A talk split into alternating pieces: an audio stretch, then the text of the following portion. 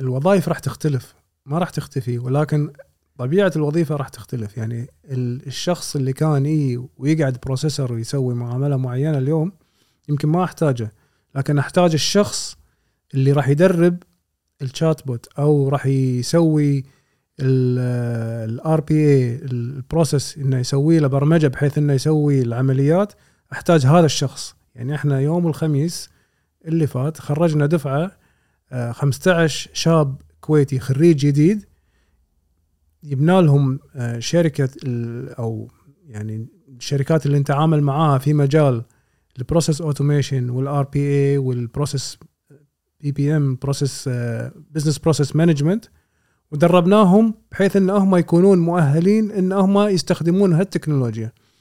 كنت بالأول يمكن باخذ مجموعة ولا زلت أخذ مجموعة. call center agent هذول لهم دور. لكن مثلا كنت آخذ tellers اليوم ما أحتاج teller أنا. ما أحتاج واحد قاعد في الفرع يعد فلوس. مم. يعني ما أحتاج teller أحتاج الشخص اللي يتعامل مع ال RPA مع ال BPM مع ال artificial intelligence مع ال machine learning أحتاج هالأشخاص. أقول لك تونا خرجنا دفعة 15 واحد متخصصين في هالمجال. بالتالي المهارات المطلوبة اختلفت. طبيعة الوظيفة اختلفت. أه، ما زا يعني ما راح يكون في أنواع ثانية من الوظائف اللي محتاجها طبعا لا شك إن التكنولوجيا راح تسوي افشنسي راح ت- يعني راح تقلل من يمكن كنت تحتاج 50 واحد راح تحتاج اليوم 20 واحد. يعني أكيد راح تأخذ أشياء روتينية تم تم الاستغناء عنها ولكن في قدرات ثانية مطلوبة في مجال ال technology وال digital. آه قاعد تنشأ وعليها طلب كبير و وإحنا لما نيجي ندور ما نلقى.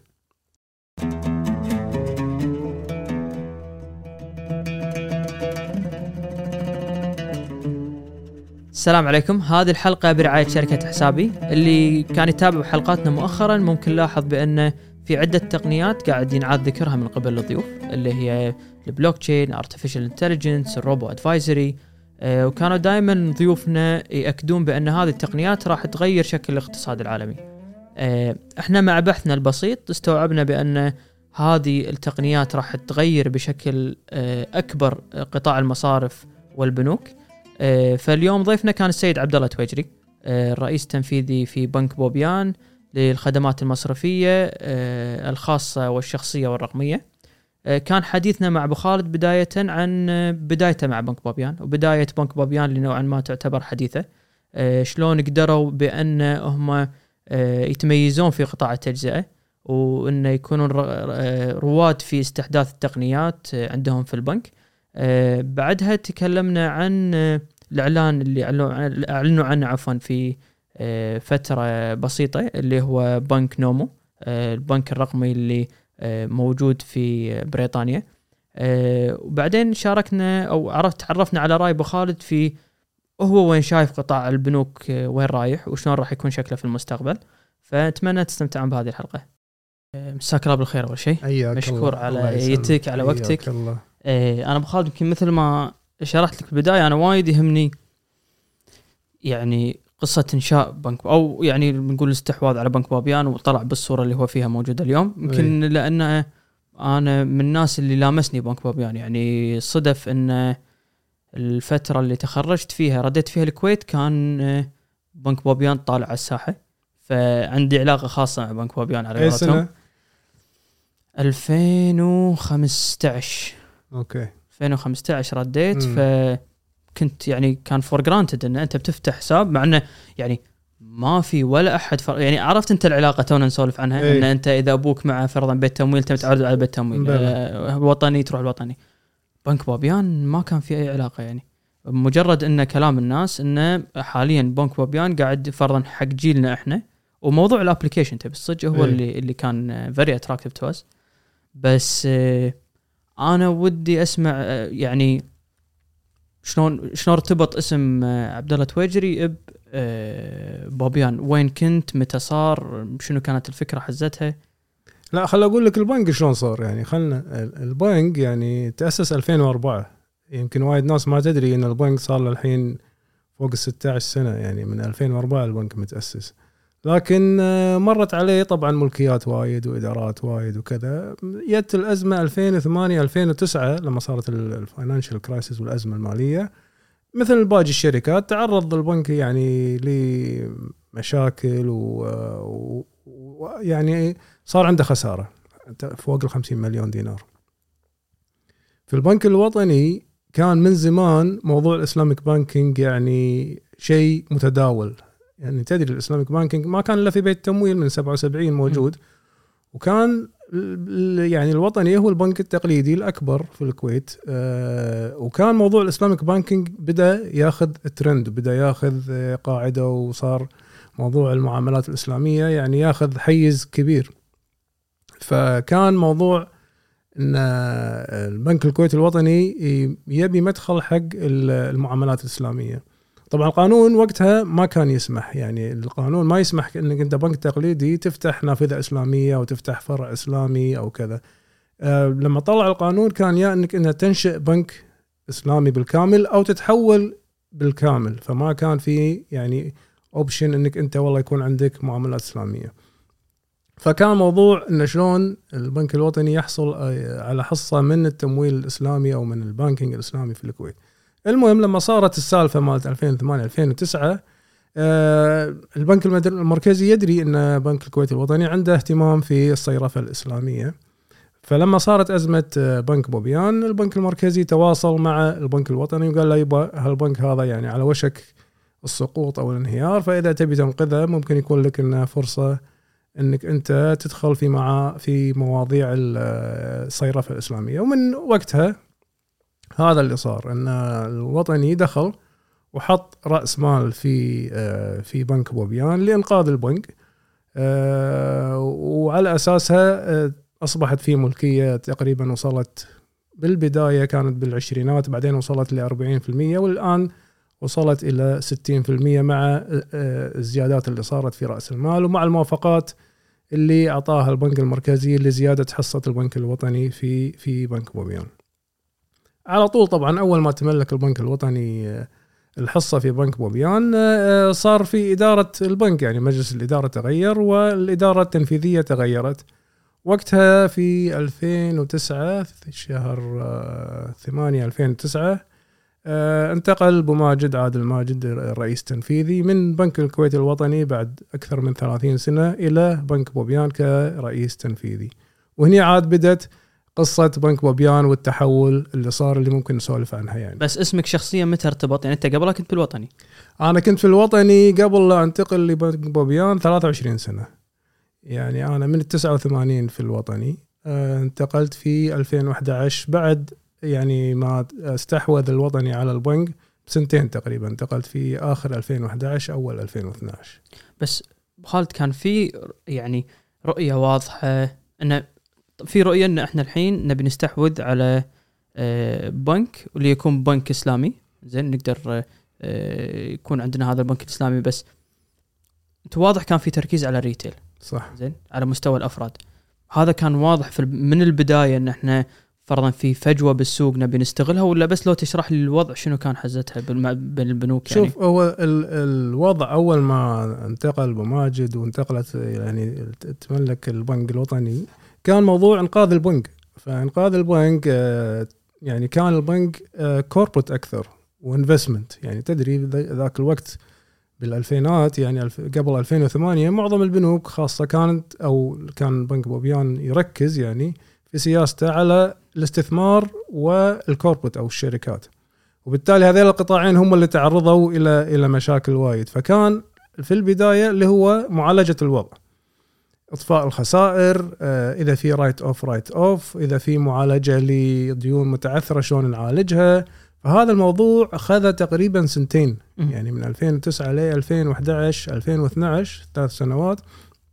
كان مجرد يعني إعادة هيكلة البنك. تغيير في الإدارة تغيير في آه، الإدارة التنفيذية تغيير آه، معالجة الحسابات المتعثرة فكان هذا. الآن 2011 2012 بدأ التفكير في موضوع ال retail. يعني بعد يعني تدري هي مراحل. يعني لما أنت تاخذ بنك مراحل. أول شيء بتعالج المشاكل وبعدين عاد تبدي تبني. في 2011 2012 آه، ابتدينا انتقلت أنا وابتدينا نشتغل على موضوع ال retail. ال retail أنت الآن البنك رقم تسعة في الكويت. مم. لم- وقتها البنك أنت رقم تسعة. في تسع بنوك قبلك وفي ناس صار لهم 40 و50 سنة. شنو راح تقدم؟ شيء جديد. شلون راح تنافس؟ آه، شلون راح تحط بصمتك في السوق وخ- في وجود يمكن عمالقة مثل البنك الوطني وبيت التمويل وب... و... وسبع بنوك ثانية أو ست بنوك ثانية وأنت التاسع اليوم أنت آخر بنك يعني مؤسس. فكان يعني ال- الخلطة اللي بدينا نفكر فيها انه ما كان إلا في بيت التمويل الكويتي كبنك آه، إسلامي وإحنا جايين من بنك الوطني فشلون نقدر ناخذ الخبرات اللي موجودة عندنا في في الوطني وعلى أساس نقدم صيرفة إسلامية بطريقة حديثة أو modern فكان الاستراتيجي ان تقول والله راح نسوي modern Islamic banking يعني ال Islamic banking يمكن كان معروف عنه في البداية أو من زمان. انه يعني معاملاته شوية معقدة. مقارنة ببنوك تقليدية. بالبنوك التقليدية. آه، تأخذ وقت وايد أوراق وايد paperwork وايد توقيعات وايد الأمور مو مو سهلة مثل البنك التقليدي. ال service هم ما كان شيء يعني دائما عليه تركيز في الفترة هذه. إحنا في يعني اللي جايين إحنا عندنا كلنا عندنا موضوع هاجس ال service أو خدمة العملاء. كان هو الأساس بالنسبة لنا. فالفكرة كانت إن شلون نقدم إحنا modern Islamic banking نسوي بنك إسلامي ولكن متقدم وفي خدمة متميزة. فكان تركيزنا يعني في البداية أو من أول ما جينا على موضوع خدمة العملاء لأن حسينا إن هذا الموضوع مو مخدوم صح في السوق. يعني خدمة العملاء خاصة في البنوك الإسلامية ما كانت مخدومة صح. فسوينا هال combination اللي هو شلون نقدم modern Islamic banking بخدمة عملاء متطورة.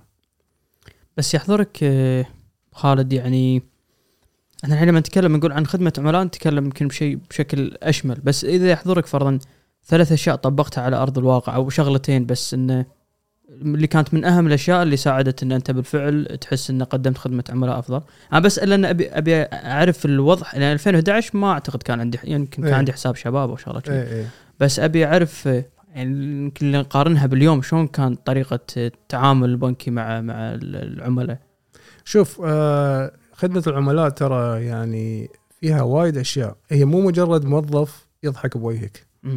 يعني هذه أبسط شيء يعني الناس تعتقد إن إذا خدمة العملاء زين إن في موظف يضحك بوجهك. هذه يعني هذا أبسط شيء ال- الإجراءات اللي أنت تسويها داخل البنك. يعني أول شيء شفناه موضوع الإجراءات.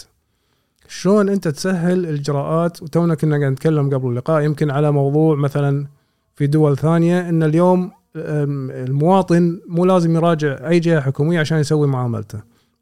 فبالتالي هذه كلها إجراءات. أو بروسس شلون خذينا كل خدمة تقدم في البنك وراجعنا إجراءاتها بالكامل؟ شلون نقدر نختصر الإجراءات؟ شلون نقدر نختصر التوقيعات الأوراق المراجعات الأمور هذه كلها. آه، اختيار الناس. يعني من الأشخاص آه، لما تقدر تختارهم آه، لازم تختار إنه يكون عندهم حب خدمة العملاء. هو مو شيء إنك أنت راح تفرضه على الواحد ويسويه وهو مو يعني مو من داخله. فاختيار الناس آه، التدريب على خدمة العملاء مو تدريب نظري تعال نقعد ونقول والله إحنا في محاضرة كذي تسوي كذي تضحك كذي تقدم كذي تسوي توقع. لا إحنا نقلنا موضوع خدمة العملاء إلى إلى ال- إلى موضوع كأنك أنت في بيتك. وأنا هذا دائما المثال أضربه حق الإخوان وإن شاء الله لا زال موجود يعني.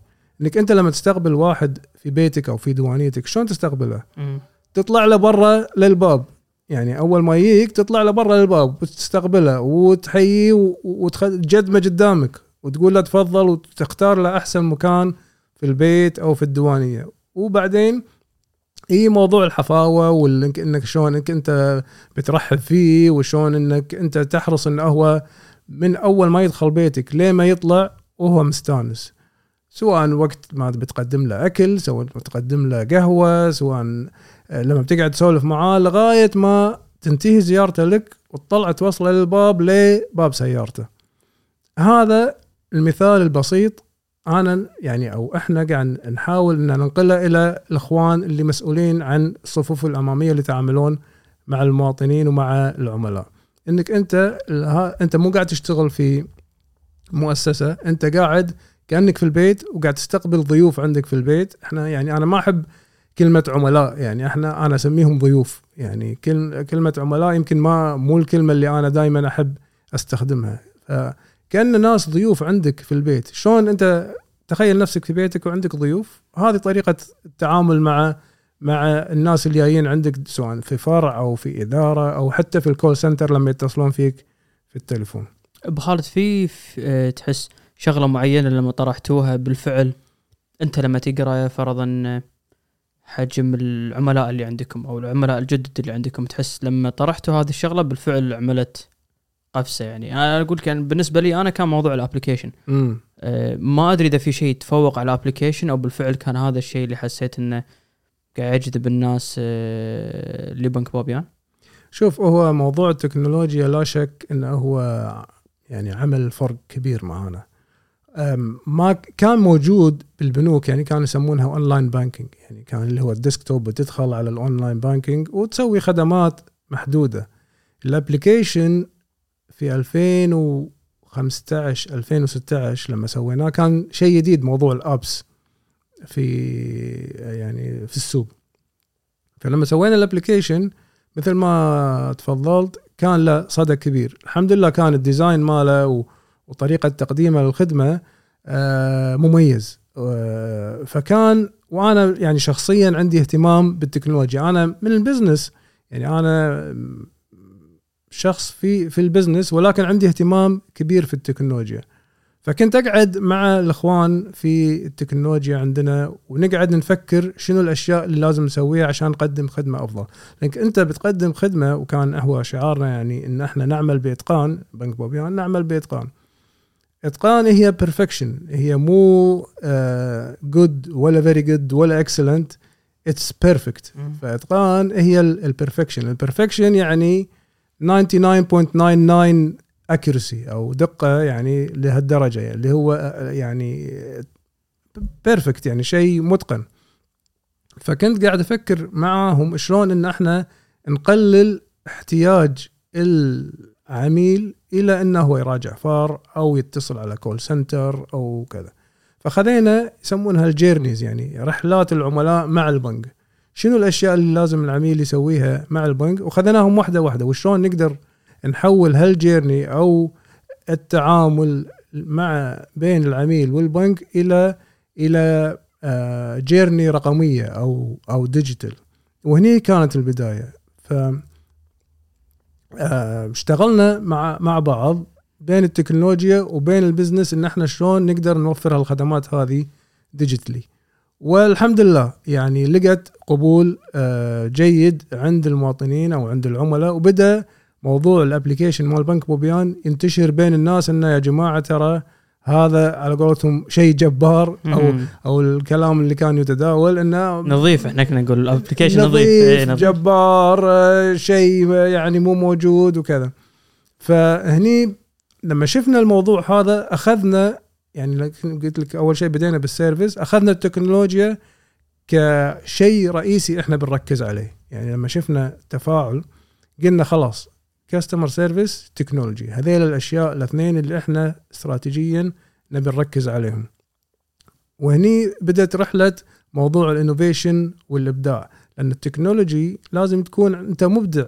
يعني ممكن كل واحد يسوي technology لكن وين الإبداع في في ال customer experience في شلون أنت تختار أو تسوي مثل ما تفضلت نظيف يعني شلون تأسس أو تسوي ال application مالك بحيث إنه يكون سهل الاستخدام. intuitive آه يعني ما يحتاج إنه واحد يبطل كتالوج عشان يعرف شلون يستخدمه. يشرح نفسه بنفسه. يشرح نفسه بنفسه. وشلون يكون friendly يعني سهل الاستخدام.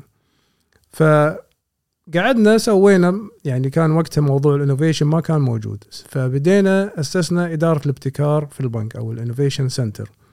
وهني بدينا نستخدم الأساليب الحديثة في موضوع ال idea creation وهذا الحكي ترى يعني لما تقول 2015 2016 يعني ما كان مثل ما هو متداول الآن. مم. الحين يمكن كل الناس تتكلم بنفس الكلام. لكن 2015 16 17 ما لا. كان لا تخيل عفوا أبو خالد أنت على, على نفس النقطة. اللي مم. نتكلم 2015 يعني ال- ال coders محدودين. صح. الشركات ال- ال tech اللي ممكن تستعين فيها محدودة. صح. على على application قد يكون بسيط فما بالك يعني أنا بعرف بهذه الفترة بنك بوبيان شلون قاعد يتحرك بأن أنا بسوي application ممكن عن طريقه أحول فلوس يعني أشياء ما هي سهلة. ف صح.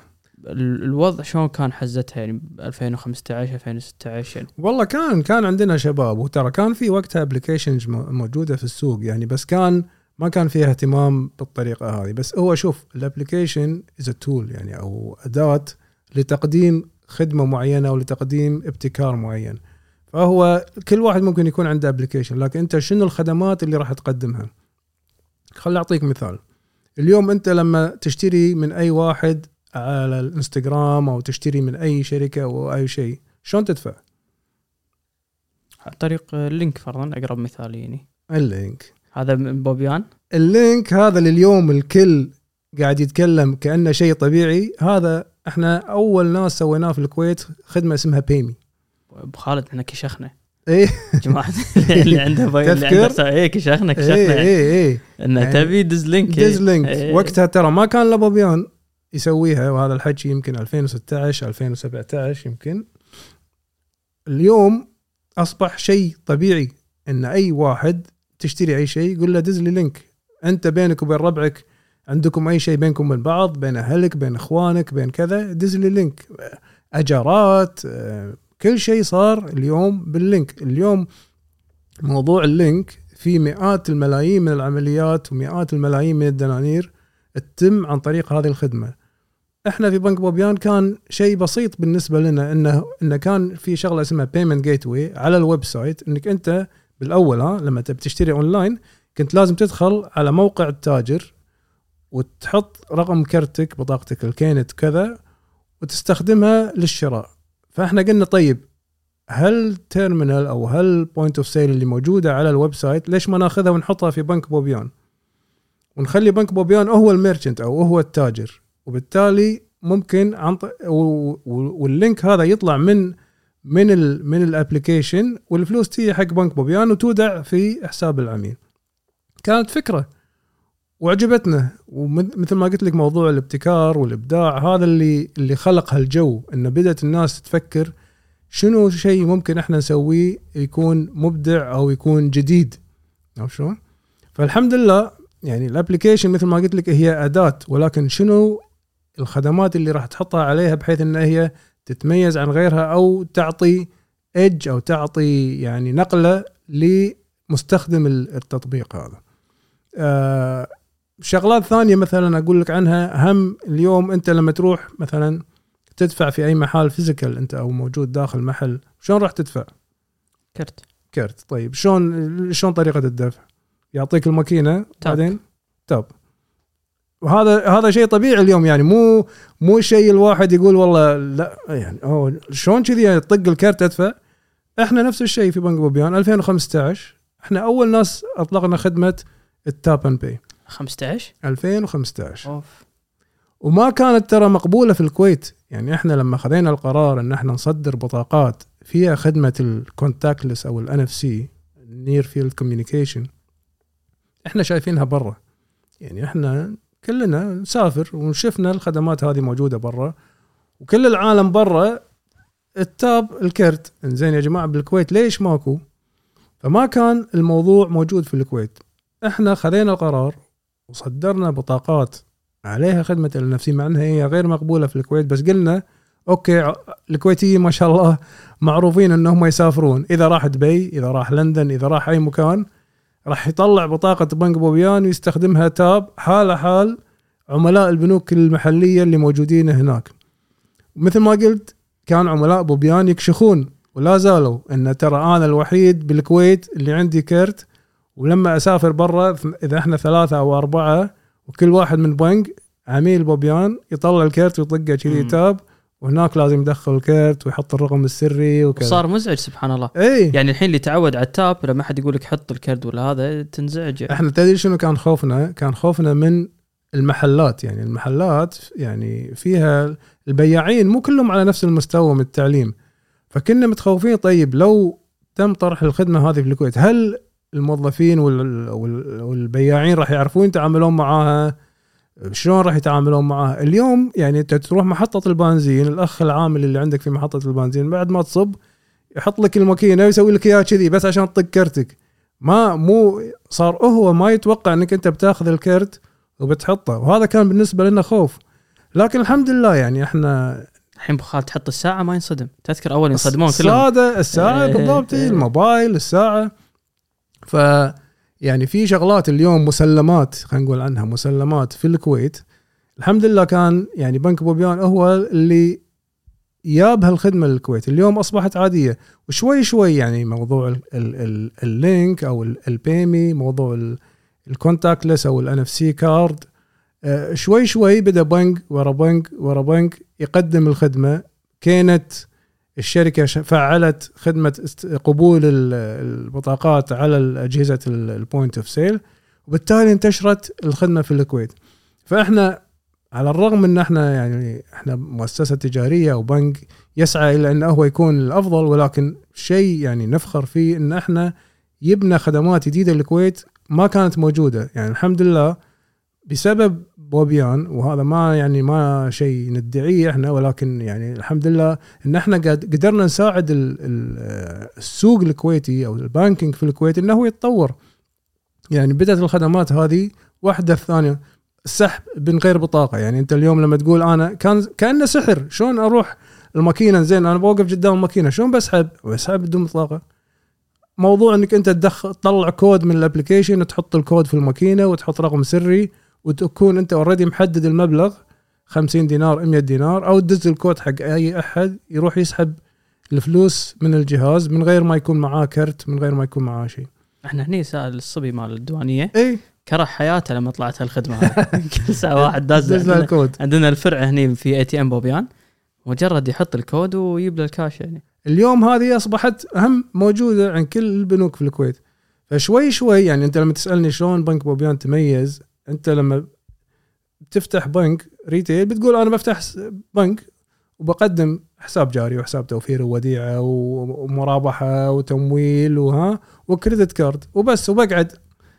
وعلى امل ان أنا اكون احصل business بالطريقة التقليدية. إحنا لا طلعنا شوية برا الإطار وخذينا موضوع التكنولوجيا وال innovation والخدمات الجديدة كعامل يفرقنا عن الباقي. لأن مثل ما قلت لك كنا البنك التاسع. إذا أنت واحد من تسعة والكويت صغيرة ترى ما هي يعني السوق الضخم. اللي كنت بتدخل البنك وثاني يوم بيصير عندك حصة. يعني السوق الصغير وتنافس كبير وعندك يعني بنوك صار لها مثل ما قلت لك 50 و60 سنة. فأنت شلون بتنافس هني؟ فاخترنا واليوم أبو خالد عفوا الحصه نعم. السوقيه بنك بوبيان الثالث أنتم أعتقد ولا؟ إحنا الحمد لله الثالث آه، في على مستوى الريتيل آه، وحتى على مستوى ال- ال- الأصول آه، بالكويت إحنا البنك الثالث كذلك يعني من من 2011 خلينا نقول من 2009 ل 2020 الحمد لله طلعنا من المركز التاسع إلى المركز الثالث بس أنا ليش ليش أسأل أبو خالد؟ لأنه بيعرف يعني أنا أعتقد ال- البنوك خليك من يعني بنك بوبيان فرق راح ركز على ال retail. يمكن كان في بيت تمويل وطني نوعا ما كان في اهتمام على ال retail. البنوك الثانية يمكن في بنوك لليوم ما عندها اهتمام في ال retail. آه، فهذا أكيد وراه سبب. يعني هل إن أنت مهما توصل في قطاع التجزئة آه، لما تيجي تشوف ال financial تشوف البيانات المالية يعني هو سؤال تسوى ولا ما تسوى؟ يعني هل حقق لكم موضوع التجزئة؟ أنا أكلمك لما تشوف تقرأ بيانات بيانات بنك بوبيان. آه. آه، هل هو قادر قطاع تجزئة إنه يحطك فوق؟ يعني مو بس أنا أتكلم بس كإيرادات بنك بشكل عام. لا الحمد لله. يعني إحنا من البنوك القلائل مثل ما قلت البنوك ال- اللي تركز على ال retail إحنا لغاية يعني قبل سنتين كان ال retail وال وال corporate 50 50 امم 50 تخيل 50% من ال business قاعدين من ال retail و50% من ال corporate. طبعا بس مع كبر حجم البنك وزيادة قاعدة رأس المال وزيادة القدرة على الإقراض، الإقراض في في مجال ال corporate طبعا larger tickets أو مبالغ أكبر. اليوم تقريبا 45 55 إذا إذا لصالح. لصالح ال corporate okay. إي. بس يعني أهم كذلك يعني أنت اليوم بالكويت لو بتشوف ال- البيانات المالية معظم البنوك مثل ما قلت يعني ال retail يعتبر يمثل نسبة صغيرة. آه، بوبيان هو تقريبا من القلائل اللي ال retail يمثل تقريبا فوق ال 40% من من إيرادات البنك. في خالد آه، فكرة ان اليوم إذا إحنا فرضا أسسنا قطاع retail بشكل آه، شكل قوي. زين وثابت. فهذا التركيز يتحول لقطاع ال corporate يعني في في فكرة معينة إن إحنا اللي حطيناه من من innovation على قطاع ال retail نشوف اليوم بوبيان لا والله يبدي يحط هذا التركيز على ال corporate موجود. يعني حتى في ال corporate الحمد لله يعني البنك قاعد ينمو على قولتهم بصورة متوازنة على ال retail وال corporate طبعا إحنا كل سنة عن سنة لما تزيد أرباحك وتحتفظ بأرباح زيادة وتزيد رأس المال وتاخذ مثلا تصدر صكوك تزيد قدرتك على الإقراض. وبالتالي إحنا قاعد نمشي آه، بطريق متوازن في ال corporate وال retail بس كثر ما كبر يعني رأس المال البنك كثر ما ال corporate يقدر يعطي تسهيلات أكثر. لكن اليوم إحنا عندنا الحمد لله في في في ال corporate application وهذا قليل جدا إنه يكون عندك app مخصص حق ال business عندنا business banking وعندنا corporate banking ال business اللي هم small businesses يعني وال corporate اللي هم الشركات الكبيرة. فعندنا online banking متميز وعندنا application كذلك. وعندنا فريق يعني من ضمن الفريق ال- ال digital مخصص لل corporate فقط. يعني إحنا في ال digital عندنا كذا فريق. ناس مركزة على ال retail وناس مركزة على ال website وناس مركزة على يمكن راح نتكلم عنه بعدين مساعد ال chatbot مم. اللي هو أول chatbot آه، هم again طلع طلع بالكويت. آه، فعندنا في في ال digital يسمونهم squads يعني كل squad ماسك آه، ماسك آه، قناة معينة وال corporate عندنا squad معين لل- لل corporate قاعد يطور الخدمات. يعني أشياء بسيطة مثلا دفع الرواتب التحويلات ال payments اصدار الكفالات الأمور هذه كلها اليوم أي شركة تتعامل مع البنك تقدر تسويها عن طريق الأونلاين. أبو خالد أنا برد على نقطة تكلمت عنها أنت موضوع موضوع ال tap موضوع ال link. يعني أنا أتفق معك ب 2015 2016 كان هذا شيء جديد حتى يمكن الدول المجاورة ما تشوفه. بس اليوم بعد مرور ست سنين يعني كلنا نسمع الناس تقول آه، فرضا موضوع آه، اللي نسمعه وايد Apple Pay ولا ولا يعني أنا متعود فرضا آه، أذكر قبل لا أجي الكويت كان هذا مو... link 2015 كان موضوع ممتاز مثل ما الناس فرضا الحين تضايق إن أنا أدخل كرت ولا اشخطه فرضا نقول لك ممكن link مزعج لي. أنا أبي أحط رقم الشخص واحول له آه، يعني هذا حتى فرضا بدول مجاورة نشوفه ان أنت صح. مجرد تحط رقمه بغض النظر هو موجود بأي بنك تحط رقم تليفونه تحول للفلوس. كأنه في بطء في هالتحول هذا بعمليات الدفع بالكويت. يعني إحنا الخدمات اللي أنت تكلمت عنها موجودة من 2015 2016 اليوم إحنا وصلنا داشين على 22 نشوف نفس هذه العمليات مع أن بدول يمنا لا انتقلوا لطرق ثانية يعني. هو شوف لازم كذلك يعني ما ما يقدر بنك واحد بروحه يسوي كل شيء. لازم كذلك البنية التحتية في في البلد يكون يعني تساعد على موضوع التحول هذا. في شركات اللي هي ال switches مثلا اليوم عندك KNET. KNET عندها كذلك دور في موضوع اللي هو الربط بين البنوك. يعني لما تقول لي مثلا على موضوع رقم التليفون أنا ما أقدر أسويه أنا بروحي. مم. لازم كل البنوك يعني تدخل في نظام معين يكون في قاعدة بيانات فيها كل أرقام التليفونات وكل رقم تليفون مربوط فيه حساب في البنك عرفت شلون؟ هذه أنا ما أقدر أسويها كبنك بروحي لازم يكون في جهة في النص تربط كل البنوك وهذه إن شاء الله في يعني خطط عند KNET انه في application معين إن شاء الله راح قاعد يشتغلون عليه إنه ممكن يكون هذا هو انه كلنا ككويتيين مثلا أو كمقيمين في الكويت عندنا حسابات بنكية في الكويت ننزل هال application هذا ونسجل فيه وأقول أنا رقم تليفوني هذا ربطه مع مثلا مع هالحساب في بنك بوبيان أو في البنك X or Y وبالتالي الشخص الثاني هم عنده نفس ال application بس يحط رقم موبايلك ويدز الفلوس في في switch في النص يقول والله هالرقم تليفون على هالكرت فيحول الفلوس. ففي مثل ما قلت لك أشياء ما يقدر بنك بروحه واحد يسويها. اليوم يعني البنك المركزي كذلك أصدر تعليمات لإصدار لإنشاء شركة payment ثانية في الكويت. فبالتالي راح يكون في شركة ثانية اليوم جاري العمل على يعني عمل آه، آه، نظامها الأساسي ومهامها وكذا إنه راح يكون في شركتين في الكويت يقدمون خدمات ال payments لأن البنك المركزي استثمر في كذا نظام آه، اللي هو نظام الكويت للمدفوعات أو Kuwait payment system النظام هذا فيه مزايا وايد مفروض إن البنوك تبدي تستفيد منها. وبالتالي أصدر يعني تعليمات للبنوك إن هي تأسس شركة جديدة آه، راح يكون عندها أغراض ثانية غير أغراض كانت وعشان نرفع مستوى آه، موضوع ال payments والخدمات المصرفية في الكويت. أنا ما فهمت بهذه هي مو هي منافسة لكي نت الشركة الثانية ولا؟ يعني ممكن تقول راح يكون في بينهم منافسة في بعض الخدمات والبنك عفوا يختار أنا لا لا, لا لا لا لا. هم شركتين اثنيناتهم مملوكين من البنوك الكويتية بس كل واحدة لها أغراض مختلفة. الجديده راح تركز أكثر شيء على خدمات ال payments وال retail أكثر بعد. ابو خالد إذا انتقل حق يعني يمكن أحدث آه، شغلة أعلن عنها بنك بوبيان اللي هو نومو. مم. أهم مرة ثانية أنا ودي آخذ القصة قبل. متى أيه. طرى على بالكم إن إحنا نبي نتوجه لهذا الاتجاه؟ وشنو الخطوات اللي خذيتوها؟ باي سنة؟ الوقت؟ صح. أشوف إحنا عندنا أو في بنك في لندن اسمه بنك لندن والشرق الأوسط. هذا بنك مسجل في بريطانيا. يعمل على حسب يعني آه، الشريعة الإسلامية أو Islamic banking وكنا نملك فيه تقريبا شيء 20% موجود معانا من زمان يعني. آه إحنا وصلنا مرحلة في الكويت إن قلنا أول شيء كنا مو مفكرين في موضوع أي شيء برا الكويت صراحة. لأن كان لا زال عندنا مجال في الكويت ولا زال الحمد لله تقدم موجود في الكويت. لكن أنت هذا أي وقت كان حكي بخالد الفكرة موجودة عفوا؟ لا هو الملكية هذه أنا أقول لك لغاية ما زدناها مؤخرا بس خليني أقول لك قبلها. إيه؟ قبلها كان عندنا 20% وما كنا مفكرين وخلاص 20% موجودة كذا. الحين وصلنا مرحلة في الكويت بحجم معين لما قلنا وصلنا البنك الثالث وكان عندنا حجم معين انتقلنا إلى موضوع ال wealth management أو إدارة الثروات.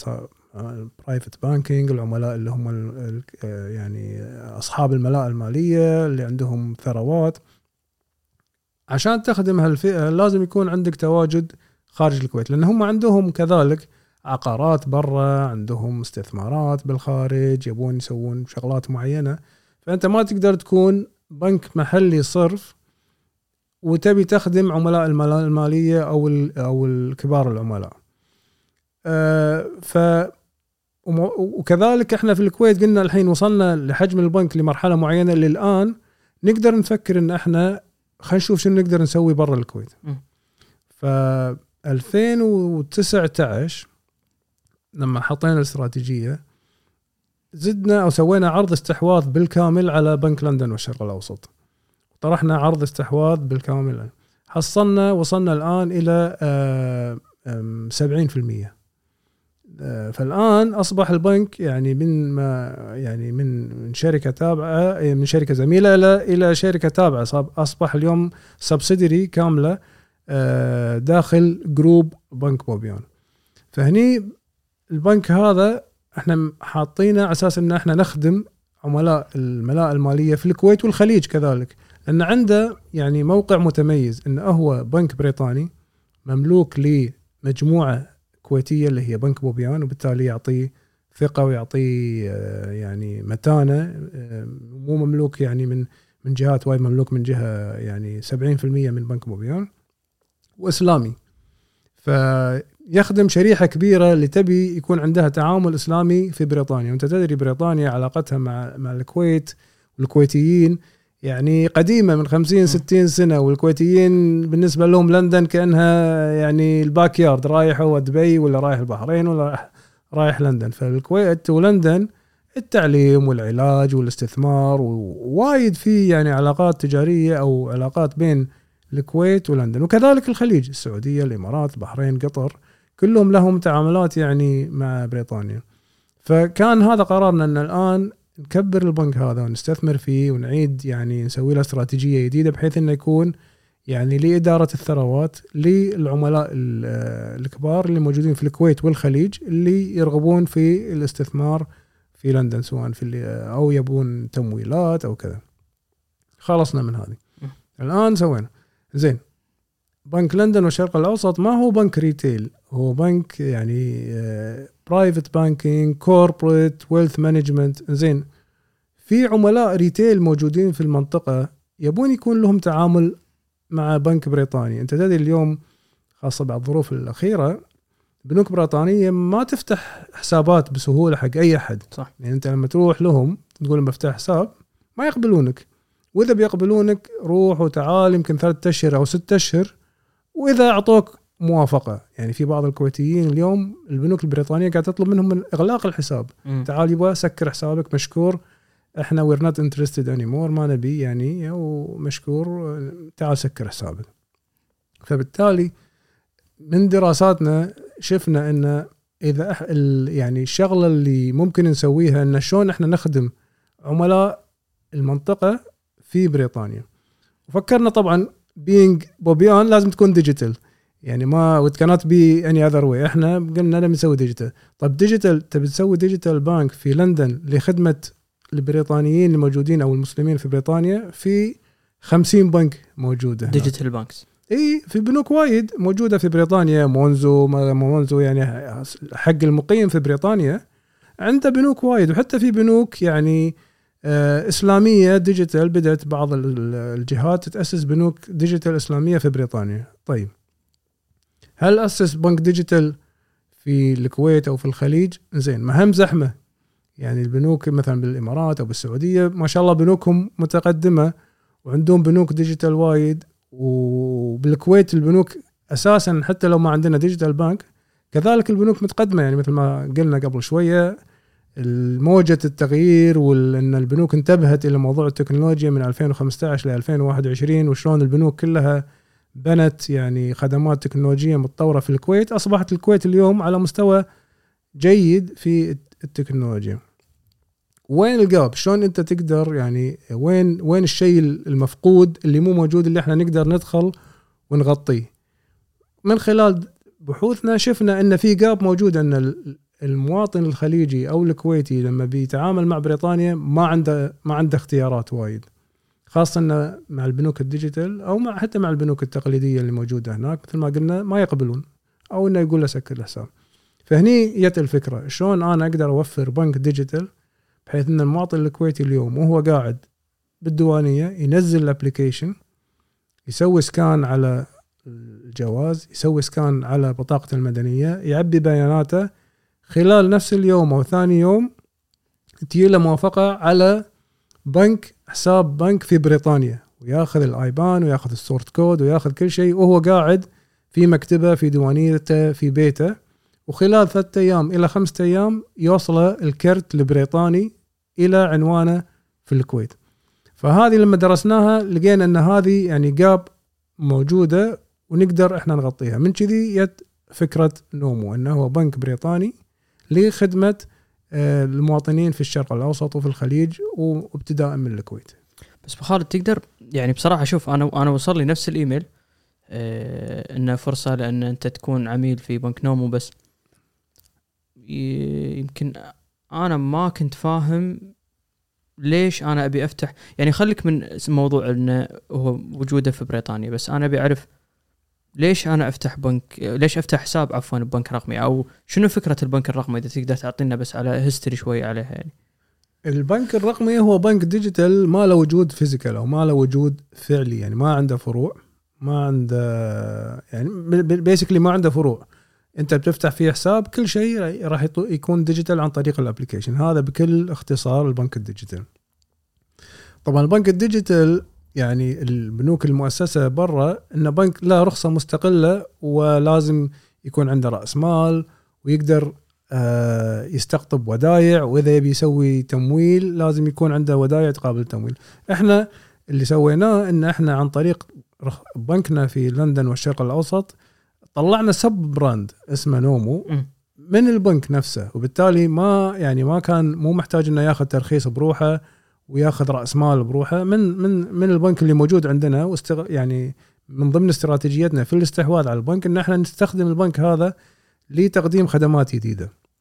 فاستخدمنا البنك اللي موجود لندن والشرق الأوسط في نومو ال digital bank طبعا تقول لي ليش أنا أبي digital bank إذا أنت كنت تتردد بصفة يعني متكررة على بريطانيا يكون لما يكون عندك حساب هناك ويكون عندك الكرت عندك وايد أشياء أنت تقدر تسويها غير إنك أنت لما ما يكون عندك حساب بريطاني يكون عندك حساب خليجي. آه، ف اللي عندهم عقارات اللي بيدرسون عيالهم اللي رايحين فترة طويلة يعني بعيد الشرع للعلاج كلهم محتاجين إنه يكون عندهم بنو- بنوك بريطانية. ف فهذا في احتياج وايد. عملاء مثلا يبي يحط وديعة مثلا برا ما يبي يحط وديعته في بنك الموجود عنده في سواء في الكويت أو غيره يبي يحط وديعة برا.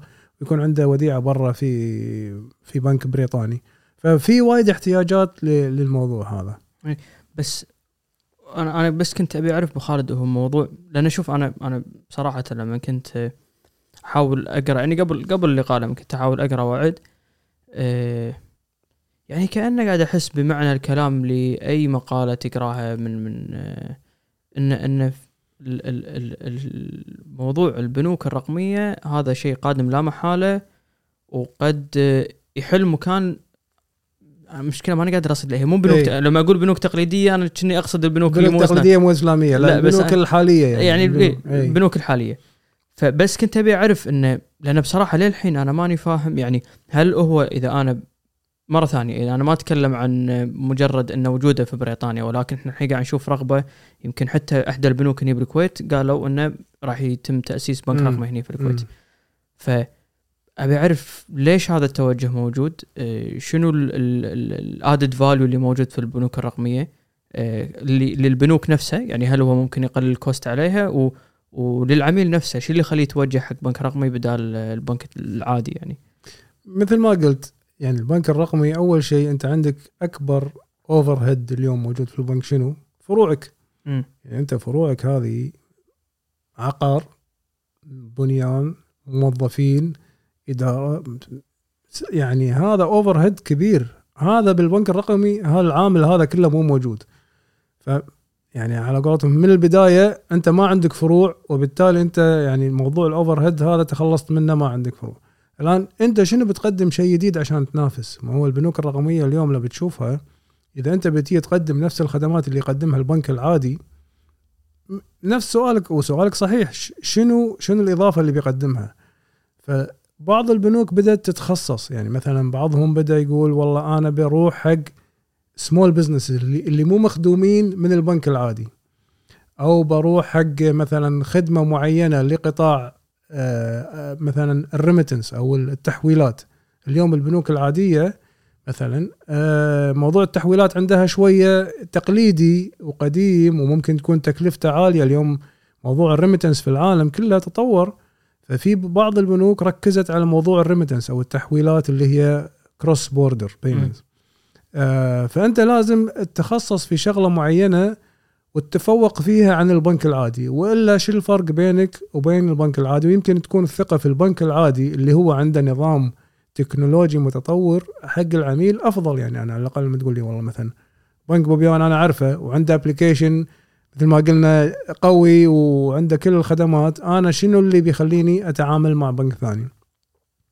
ممكن البنك الرقمي يقلل تكلفة الخدمات للعميل. مثلا في عمليات معينة البنوك العادية تأخذها بسعر معين أو تكلفك سعر معين هو يقول لك يبقى أنا بقدم الخدمات بطاقة مثلا مجانية بعطيك تمويل بأرباح مخفضة بعطيك ودائع بأسعار عالية ف- لأنه هو ال overhead عفوا عليه. ال overhead عليه أقل. لكن ترى ال game مال البنوك الرقمية محتاج على قولتهم strong stomach أنت ترى يعني يمكن مونزو للحين مو رابح هالمونزو هذا اللي تسمع عنه ما أدري إذا ممكن نقول أسماء تجارية اي على لا. راحتك يعني لا ترى إيه. صغار إحنا عادي نقول أي شيء إيه يعني. إيه. يعني يعني مونزو اللي تسمع عنه للحين مو ربحان بس ال valuation ماله وايد عالي يعني ال valuation ال valuation وش يصير إنه على على رؤية المستثمر لمستقبل هذا البنك نفس اللي يصير عفوا على الشركات الناشئة اللي تندرج تحت ال tech sector بالضبط أو ال fintechs. ف يعني ترى لازم تكون عندك أول شيء يعني آه، قوة احتمال كمؤسس لهذا البنك. وبعدين لازم تدخل معك مستثمرين لأنك أنت ما راح تطلع أرباح إلا بعد فترة طويلة. يعني لازم يعني في بعضهم سكروا بعضهم طلعوا وسكروا أو دشوا أسواق وطلعوا منها مرة ثانية. فستيل يعني الموضوع وفي بعضهم ما شاء الله مسوين وايد زين يعني بس يغيرون استراتيجياتهم يعني مثلا مونزو كان كل شيء مجاني.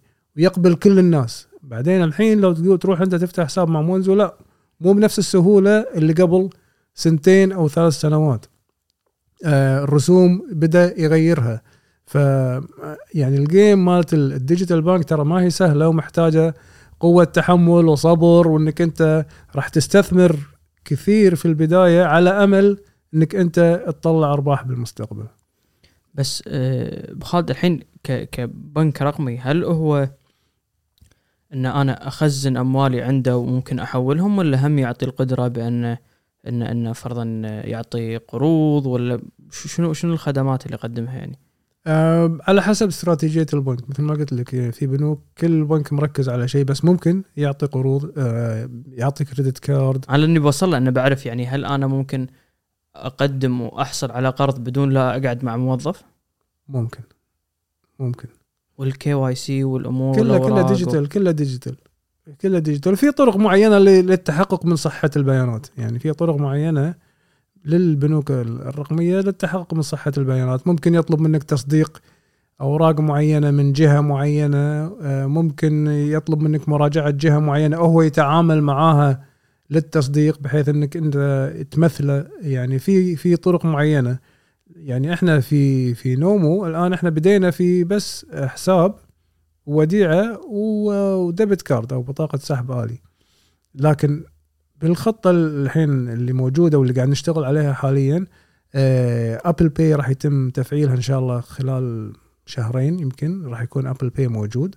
آه، ال mortgage قاعد نشتغل عليه إن إحنا يكون في إذا عميل من الخليج أو من الكويت يبي يقدم على mortgage عن طريق نومو يقدر مثل ما قلت mortgage في بريطانيا. في بريطانيا. يحصل- على mortgage في بريطانيا. آه، استثمارات ممكن إذا راح يكون في صناديق استثمارية في راح يكون شغلة يسمونها robo advisory أو إنك أنت يكون عندك آه، تدخل أنت نسبة المخاطر اللي أنت تقبلها وشنو آه، ال horizon أو فترة الاستثمار اللي أنت تبيها.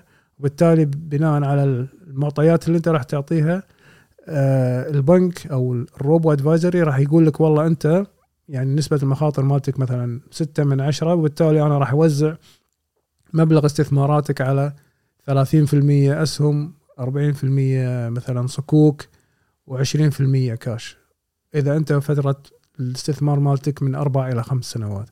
وبالتالي ممكن تستثمر فلوس مع البنك الرقمي. آه، بناء على توصيات معينة على المعطيات اللي انت تعطيها وتستثمر. فبالتالي موضوع التمويل موضوع الاستثمار موضوع ال payments والعمليات وال transactions كلها اليوم أصبحت متوفرة مع البنوك الرقمية. ابو خالد أنا شغلة مهمة تكلمت عنها اللي هو ال robo advisory يعني أنا سبحان الله من باب الصدفة الحين بهالفترة الأخيرة هذه أه قاعد أسمع فرضا موضوع ال robo advisory و digital banks وبلوك يعني كلها أشياء لما أنا جمعتها مع بعض استوعبت في نقلة جدا مهم نقلة مهمة وكبيرة جاية حق القطاع البنكي حوالين العالم كله. صحيح. ف واضح إن بوبيان تحركوا قاعد يعني يحاولون يتعاملون مع هذه النقلة أه بس شنو أهمهم هم للحين الأشياء التقنيات الجديدة اللي جاية اللي قاعد تعمل تغيير في القطاع البنكي؟ يعني نتكلم على digital banks ال robo advisor يعني أنا ودي بصراحة حتى نتكلم عنه شوية زيادة. أه بس في أشياء غير يعني غير هالشغلتين بعد تحس قاعد ممكن تعمل تغيير للقطاع البنكي؟ يعني موضوع ال AI وال machine learning هذا شيء كبير. وين وين ممكن؟ يعني الحين عرفنا ال robo advisor كاستثمار إن أنا شخص وهو يحدد وين ممكن إنه يستثمر أموالي. ال artificial intelligence وين ممكن يدش؟ ولا هو تحت ال- ال robo advisor لا لا مو تحت ال robo advisory هو يدخل في كل شيء. ال artificial intelligence يدخل في إنك أنت شلون تخلي أنظمتك آه، تطور نفسها بنفسها بناء على ال behavior مال العملاء أو behavior الأنظمة. فال artificial intelligence أو حتى ال machine learning إن مثل من اسمه machine learning يعني ال machine نفسه يتعلم من الأشياء اللي تمر عليه آه، انه شلون هو يقدر يطور نفسه ويقدم يعني مثلا كل شخص منا عنده احتياجات مختلفة. فشلون لما يدخل محمد ولا لما يدخل عبد الله ولا لما يدخل عبد العزيز على حسابه البنكي يشوف شيء مختلف عن عن الثاني. بناء آه. على معطياته هو وبناء على profile ه هو. وممكن يتم الاقتراح عليه بخدمات معينة أو ب service معين أو بمنتج معين بناء على ال profile المختلف. أه يعني عفوا كأن الحين نشوفها بيوتيوب صح؟ انه أنا أدش الفيديوهات بالضبط. اللي أنا قاعد أشوفها مو نفس اللي قاعد أشوفها أبو خالد. بالضبط. فممكن إذا فرضا ال application متعود انه أنا أحول فلوس من ال debit card لل credit card. فهذا يطلع لي أول شيء. بالضبط. بالضبط. بس مو هذا الاحت... مو هذا يعني هذا واحد من استخدامات ال AI يعني مو مو الاستخدام الوحيد لكن عشان أقرب المثال وأعطي شيء شوية يعني سهل إن الواحد يعني يطبقه على نفسه. هذا واحد من الأمثلة لكن في أمثلة وايد حتى أنظمة داخلية يعني مو لازم شيء له علاقة في في العملاء. يعني حتى أنظمة البنك الداخلية آه، لو في behavior معين في في system معين عندنا في ال payments في أشياء ال back office اللي قاعد تصير داخل. ال AI يساعد على ما ان إن شلون يقترح للاشخاص اللي قائمين على الأنظمة هذه أو على الإدارات هذه تغييرات معينة أو هو ممكن يغير بنفسه بناء على أنت شلون مبرمجة انه هو ممكن يغير behavior system معين أو behavior process معين آه، بناء على على ال algorithm أو البرمجة اللي موجودة فيه لأنه هو artificial intelligence فهو يعلم يعني ذكاء اصطناعي يعني واحد كان أنت معين واحد وايد ذكي وقاعد عندك ويشوف شنو قاعد تسوي ويقترح عليك أشياء أو إنه هو ممكن يغيرها بنفسه يعني حتى مو يقترح يقول لك غير لا هو automatically بناء على rules أنت معطياه هو يغير يعني process معين أو أو إجراء معين داخل البنك. أه خالد في الحين مساعد يندرج تحت ال artificial intelligence هذا أو أكبر تطبيق لل artificial intelligence اللي هو ال live chat اللي هو ال live مو ال live chat اللي هو ال automated chat automated automated chat automated chat يعني مساعد مثل ما يعني مساعد هذا مو بني آدم قاعد يكلمني لا لا كمبيوتر لا, لا كمبيوتر كمبيوتر وهذا يعني تطبيق يعني زي إنك أنت ذكرته يعني إحنا الحمد لله again اول أول بنك طلعنا chatbot في الكويت أو أو أو أول chatbot في الكويت حتى مو بنك يعني حتى قبل الشركات كلها وكذا.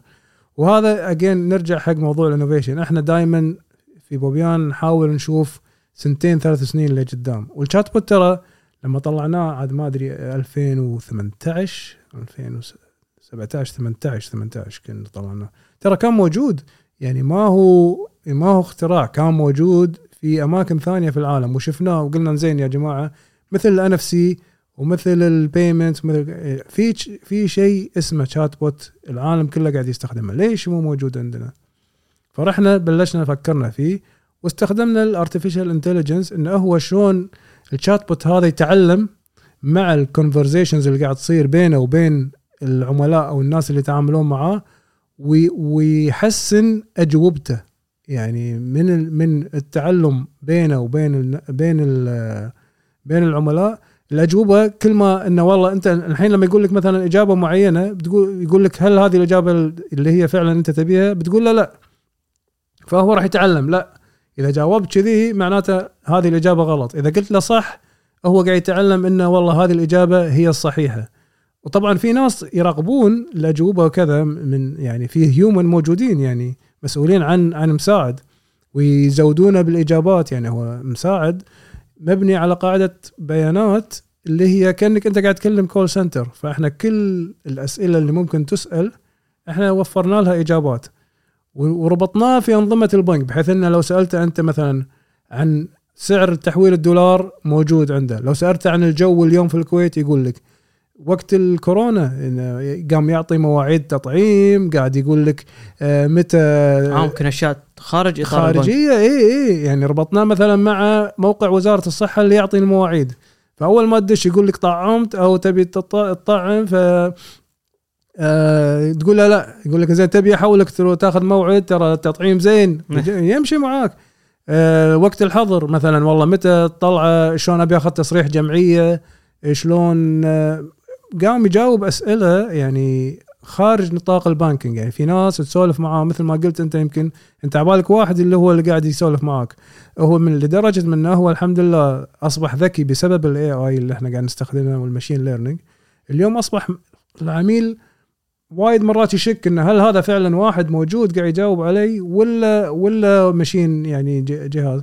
طبعا عنده آخر شيء إذا ما قدر يساعدك يقول لك تبي تكلم موظف فيحولك يحولك إلى live chat فيرد عليك موظف ويكمل معاك ال- يشوف هو شنو قال لك وي- ويكمل معك تفاعل الناس بخالد عندكم وحدة قياس تبين من يوم فر أو اليوم إحنا فرضا آه، مقارنة بقبل سنة سنتين ايا كان. فرضا آه، إحنا كان 100 شخص آه، يحتاج يكلم شخص صجي من خدمة صح. العملاء. صح. آه، فرضا اليوم هذا الرقم نزل إلى عدد معين في في يعني في اي عندكم- طبعا طبعا. هذا من أهم معايير القياس إنه هو أنا بس بعرف لأن بحاول أوصل حق لأن أعتقد هو صعب إن الناس لازم تقبل ال ال هذا ال- ال- ال chatbot صح. فابي اعرف بس الناس إيش كثر مدى تقبلهم لل chatbot يعني يبين عندكم إيش كثر نزل تفاعل عالي جدا. وإحنا نعرف من من بال- بالنهاية لو طلب العميل إنه هو يكلم موظف ولا ما طلب. يعني إذا أنهى معاملته كلها مع مع مساعد ومشى هذا سكسسفul خلاص ما لا كلم موظف ولا لو قال له لا أنا أبي أكلم موظف هني إحنا هذه النسبة إحنا النسبة هذه اليوم يعني من 20 إلى 30% 70% من ال interactions أو المحادثات تنتهي مع مساعد من غير يلبي الطلب اللي هم من. غير ما يضم. طبعا مساعد يسوي payment يسوي تحويلات يدفع لك فاتورة موبايلك آه، تقدم منه على مرابحة تبي تفتح حساب جديد تبي تأسس وديعة كله عن طريق سوالف. يعني أنت بدال ما تدخل على ال application وتروح على المنيو وتنقي تروح من step to step to step هو هذا conversational يسمونه conversational banking أو ال banking عن طريق المحادثة. فإن كأنك أنت قاعد مع موظف بالبنك والله بفتح وديعة. اي إن شاء الله. شنو الوديعة اللي تبيها؟ كم مدتها؟ إنزين أنت تبي الأرباح تضاف شهريا لحسابك ولا تبيها تتجدد مع الوديعة؟ إنزين تبي تضيف عليه الوديعة أثناء سريانها ولا ولا تبي تخليها ثابتة؟ فهو يسألك وتجاوب وتسال وتجاوب يقول لك okay كم المبلغ؟ من أي حساب تبي تخصم؟ شكرا تم إنشاء الوديعة وديعتك اليوم الحين بلشت وهذه الأرباح وكذا. بس أبو خالد عفوا أنا بس عشان إحنا ذكرنا إن هذا ماشين ليرنينج صح؟ هو قاعد يعلم نفسه بس. صح. أنا بعرف بالفترة الزمنية هذه إيش كثر علم نفسه يعني أنت قلت بديته ب 2018 صحيح. نقدر نحط مقارنة 2018 مساعد شنو كان يسوي مقارنة باليوم؟ إيه. ووين أنت متوقع فرضا بعد خمس خمس سنين مساعد شنو راح يقدر يسوي؟ لا هو أول ما بدأ كان يغطي يمكن 40 إلى 50% من اللي يقدر يسوي اليوم؟ اللي يقدر يسويه اليوم. اليوم يعني ضعف الأشياء الخدمات اللي يسويها. ومثل ما قلت لك من 20 إلى 30% من الناس اللي يتكلمون معاه يضطر إنه هو يكلم live agent غير كذي هو قاعد يشيل يعني كل شيء. وإحنا قاعد نضيف عليه أشياء وايد. وبعدين الزين فيه إنه هو متفاعل معاك يعني مثلا إذا سافرت برا الكويت يقول لك آه، رحلة سعيدة ويطلع لك مثلا علم بريطانيا ولا علم إسبانيا ولا علم كذا. إذا عيد ميلادك يقول لك كل عام وأنت بخير ما أدري شنو. ففي عنده تفاعل مع العميل على حسب الأشياء اللي العميل قاعد يسويها. لو مثلا أنت والله عندنا خدمة اسمها travel notification أنا أنا بسافر هالمكان فرجاء please make sure انه كرتي يكون شغال. هني يقول لك رحلة سعيدة ويقول لك ترى رقم سفاره الكويت كذا في بريطانيا لأنه يدري إنك أنت بتروح و... وإذا تبي مثلا آه، الخدمة الفلانية هذا رقمهم. فاحنا إحنا قاعد نعلمه وهو قاعد يتعلم بنفسه بناء على التفاعل مع مع العملاء قرض وصل أبو خالد ولا بعد؟ موجود بس طبعا بالنهاية لازم تروح توقع المستندات في الفرع أنا هذا اللي اللي كنت أسولف تو مع الشباب إيه. قاعد يقولوا لي صحيح يعني بنك بوبيان توجه ل يعني صار رقمي بشكل كبير نعم بس في للحين هذا الموضوع اللي يعني أنا ما أدري شنو إذا الموضوع in-house يمنعكم أن أنتم تستكملون الإجراء بدون توقيع ولا هي regulations موجودة بالكويت ولا؟ هي شيء قانوني إن أساس موضوع يعني القضاء وكذا لازم يكون في عقد موقع. اليوم التوقيع الإلكتروني مال الهيئه العامه للمعلومات المدنية ممكن يغني عن التوقيع الفعلي ولكن التوقيع الإلكتروني اليوم ما عنده adaptation ومو منتشر بالكويت مثل الدول الثانية لأنه ما عنده استخدامات وايد. يعني في الدول الثانية أصبح اليوم يعني أي شيء معاملة حكومية تسويها عن طريق قبول التوقيع الإلكتروني في ال application يعني جوازات جنسية مدري معاملات أي معاملة حكومية اليوم في بعض الدول الخليجية.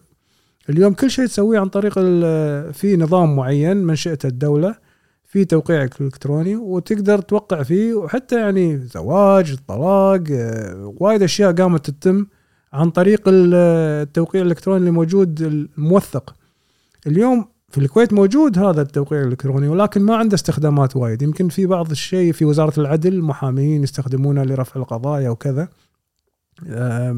بس ما عنده استخدام بالجمهور وايد لغاية الآن. إن شاء الله مع تطبيق سهل الحين اللي نزل والربط بين الهيئة العامة للمعلومات المدنية وتطبيق سهل كذا يبدي إنه يكون في استخدام.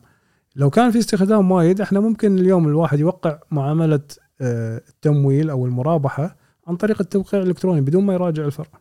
وطموحكم حق فرضا أو مو مو شرط يعني أنا ما أبي آه، انكم داخل إطار بوبيان كثر ما أنه حتى بالقطاع البنكي وين متوقعين أن ال artificial intelligence يوصل؟ فرضا بعد خمس سنين إلى عشر سنين فرضا يعني أنا أبي أتخيل المستقبل شوي شلون صاير. والله صعب. شوف لأن اليوم التكنولوجيا كل يوم قاعد تتغير بسرعة رهيبة. فصعب إنك أنت تقول والله بعد أربع خمس سنين شنو اللي راح يصير؟ إحنا كل يوم اليوم قاعد يطلع لنا آه، أشياء جديدة. لكن أكيد ال artificial intelligence في العالم كله اليوم أصبح له دور كبير في في في المعاملات كلها يعني ولا راح يكون له دور أكبر في المستقبل. أشياء لها علاقة مثل ما قلت لك في العميل وأشياء لها في لها علاقة في الأنظمة الداخلية للبنك نجدد شكرنا لشركة حسابي لرعايتهم لهذا البودكاست. اليوم شركة حسابي توفر خدمات لأي صاحب business سواء كان صاحب business صغير متوسط business آه، عنده في البيت آه، يوفرون لكم application تقدرون عن طريقه تبعثون لعملائكم آه، روابط آه، واتساب أو مسجات ويدفعون عن طريقهم وتحصلون أموالكم. آه، وأي أحد حاب إنه يعرف أي معلومات زيادة أو يتواصل معاهم معلومات موجودة في ال description تحت. آه، تو يسألني عبد الله أبو خالد. اي إيه، يقول لك المساعد. زين لازم تحاكيه فصحى عربي فصحى ولا لو تكلمه بشلون يعني؟ جرب. تكلمه كويتي يرد تكلمه فصحى يرد كل شيء يعرف ويرد عليك يعني كويتي هو أكثر شيء كويتي. يمشي. يمشي إلى أكثر شيء يعني مو يمشي هو يفهم كل شيء بس ردوده يعني إحنا كأنه موظف كويتي. مم. إي. وايد تفاعل زين حلو معاه يعني الناس في بعضهم يدش بس يسولف معاه ويمشي ما مو مو عشان البنك. ويسال أسئلة عامة يعني إحنا الحين سويناه أول كان لازم تدش login على على البنك عشان تستخدمه. إي الحين برا صفحة ال login الحين برا login ويجاوب الاستفسارات العامة بروحه. إذا سالته سؤال عن حسابك يقول لك لو سمحت سوي Face ID أو دش عشان يكمل معاك أشياء على حسابك. بس كل الاستفسارات العامة متى يفتح فرع الأفنيوز؟ متى والله كم سعر الأرباح؟ الأمور ال- الأسئلة العامة يجاوبها يعني ما يحتاج إنك تسوي login قلت له والله كم رصيدي؟ يقول لك ياخذك يقول لك okay سوي login ويكمل معاك يعطيك رصيدك. أنا مرة ثانية أبو خالد ما أدري إذا عندكم رقم صراحة بس أنا شوية ساعات لما نتكلم بالأرقام توضح لي يعني الحين مساعد نقدر نقيسها بنسب إن الخدمات اللي يقدمها بنك بوبيان. مم. مساعد إيش كثر من هالخدمات هذه قادر إنه يخلصها بدون الحاجة لأن أنا راجع فرع شوف نفس الخدمات اللي موجودة على ال application هي موجودة عند مساعد. 100% مو شرط مساعد يعني أنا بتكلم digital أنا ما. ما تكون عندي حاجة okay. ان أروح البنك. out of كل خدمات بوبيان أي. هل نقول فرضا 50 60% اليوم وصلنا لهذا العدد إن أنا أقدر أخلصهم digital؟ أنا أقول لك 90% من من الخدمات آه قاعد تتم خارج الفرع سواء في ال ATM أو عندنا الجهاز ال ATM اللي هو بوبيان direct ما أبي دائما أكرر كلمة إن إحنا أول ناس سويناه بالكويت بس إحنا أول ناس يبنى خدمة ال video chat أو ال video conference مع جهاز ال ATM إذا إذا تشوفها. بس هذا في عامل بشري يعني في عامل بشري طبعا. عندنا إيه. team قاعد ورا وترفع السماعة ويرد عليك موظف ويكلمك لكن في خدمات كان بالأول مستحيل إنك أنت تسويها مثلا يوم الجمعه بالليل. مم. تبي شغلة تسويها مع موظ- مع البنك تبي عيادي بالعيد. كنت ممكن يعني لا زال تقدر تروح الجهاز ترفع السماعة تكلم الموظف تقول له والله أبي 500 دينار عشرات وعشرينات وخمسات ودنانير. يعطيك اياهم يصرف لك اياهم عندك تشيك تبي تصرفه عندك آه، أي شغلة تبي تسويها عندك يعني 24 ساعة في اليوم سبعة أيام في الأسبوع هذيلا يعتبرون فروع صغيرة. والحمد لله اليوم كذا بنك اليوم يعني طبق هالطريقة وشرى هالأجهزة وسوى هال system واليوم أصبح شيء عادي إنك أنت تروح ترفع السماعة وتكلم موظف فيديو. بس نرجع على المساعد أو الخدمات الإلكترونية. اليوم 90% من الخدمات والمعاملات تتم خارج الفرع. سواء مثل ما قلت لك بوبيان direct اللي هو جهاز التفاعلي أو ال application أو مساعد أو كذا. الفروع لا زال في موضوع الكاش يعني في بعض الناس تروح الكاش المبالغ الكبيرة المبالغ الصغيرة كلها تتم عن طريق الأجهزة. آه مثل ما قلنا مثلا يبي مرابحة أو يبي ياخذ تمويل بالنهاية لازم يروح يوقع العقد. آه عنده موضوع وكالة عنده موضوع مثلا آه شغلات معينة. لكن الأشياء العادية يعني اليوم مثلا إحنا في بوبيان كريدت كارد تبي تقدم على واعذرون يعني المستمعين يعذرون موضوع الاستخدام المصطلحات الإنجليزية هذه.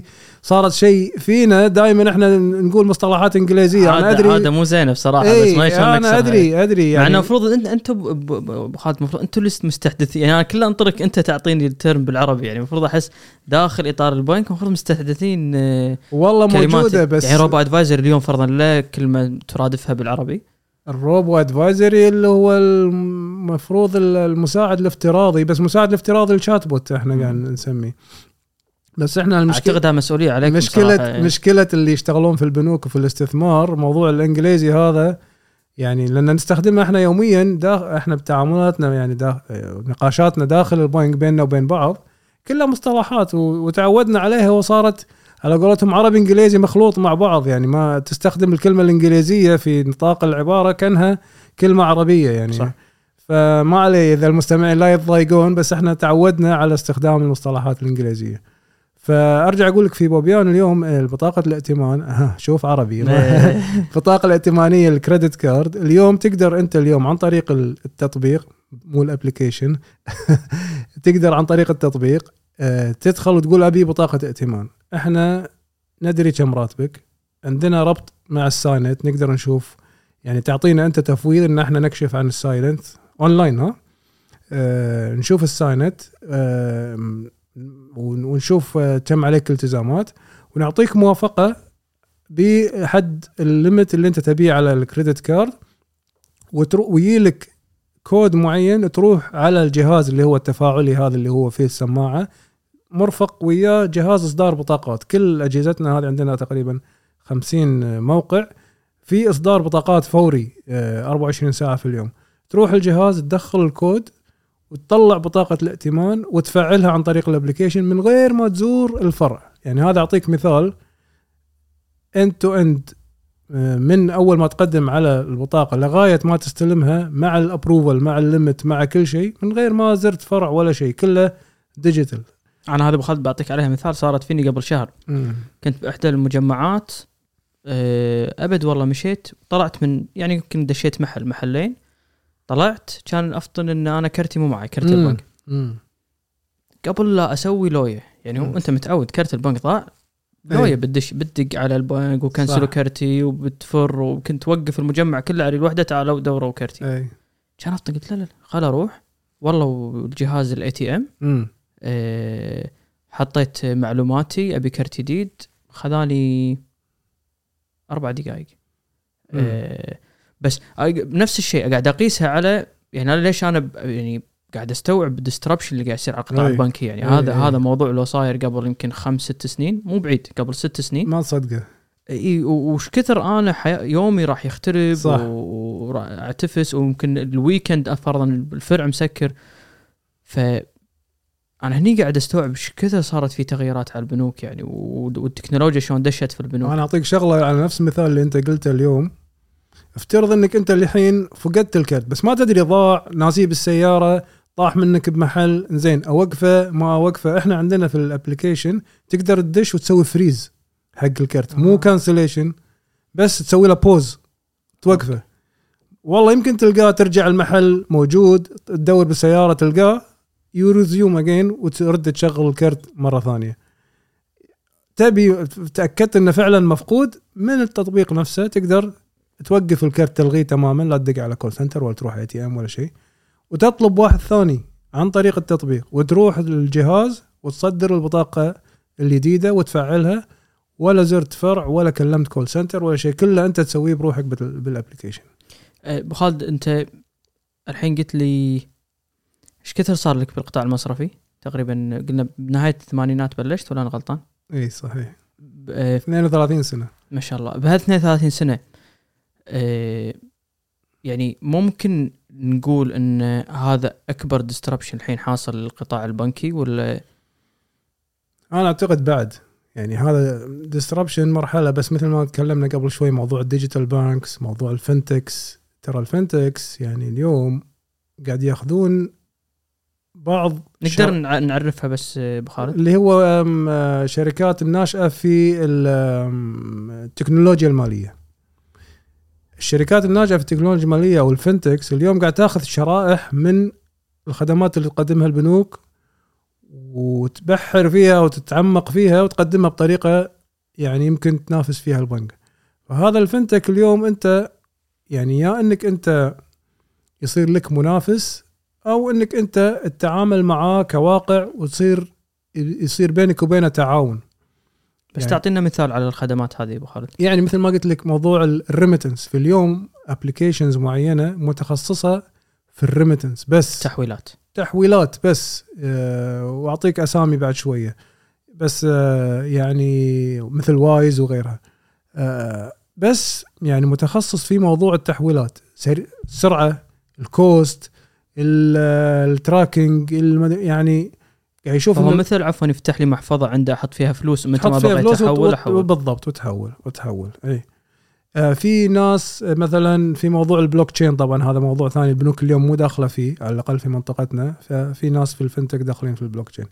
موضوع ال peer to peer lending lending اليوم هذا ما فهمت أنا بخ... اليوم حاولت أقرأ عنه بس ما فهمت شنو الفكرة بالضبط بصراحه ال peer to peer lending إنك أنت مثلا أنت business محتاج إنك أنت تبي تمويل وأنا شخص عندي كاش أبي أستثمره في هالقطاع. بس ش- أنا ما أبي أمولك أنت أعطيك فلوس بيدك. في شخص بالنص أو اللي هو ال- ال- fintechs هذيل اللي موجودين انه هو ياخذ الشركات هذه يسوي لها تقييم يسوي لها risk assessment أو تقييم مخاطر. يدرس آه، بياناتها المالية يدرس آه، طبيعة عملها ويحطها لك في منصة ويقول لك هذه كل الأعمال أو ال businesses اللي موجودة اللي طالبة تمويل. وهذا مثلا صار له بالقطاع مثلا هالكثر. هذا رايح من مرحلة الإنشاء إلى مرحلة ال growth أو النمو. فيحط لك كل ال- businesses اللي طالبين تمويل في آه، منصة وأنت تقول والله أنا مثلا قبولي للمخاطر أنا أبي الشركات اللي هي مخاطرها مثلا من low to medium أو medium to high وكل ما زدت أنت طبعا معروف بالمخاطر كل ما زاد العائد. أو توزع تقول والله أنا مثلا أبي أحط 100 ألف دولار أبي 50% منهم مثلا high risk و30% مثلا medium risk و...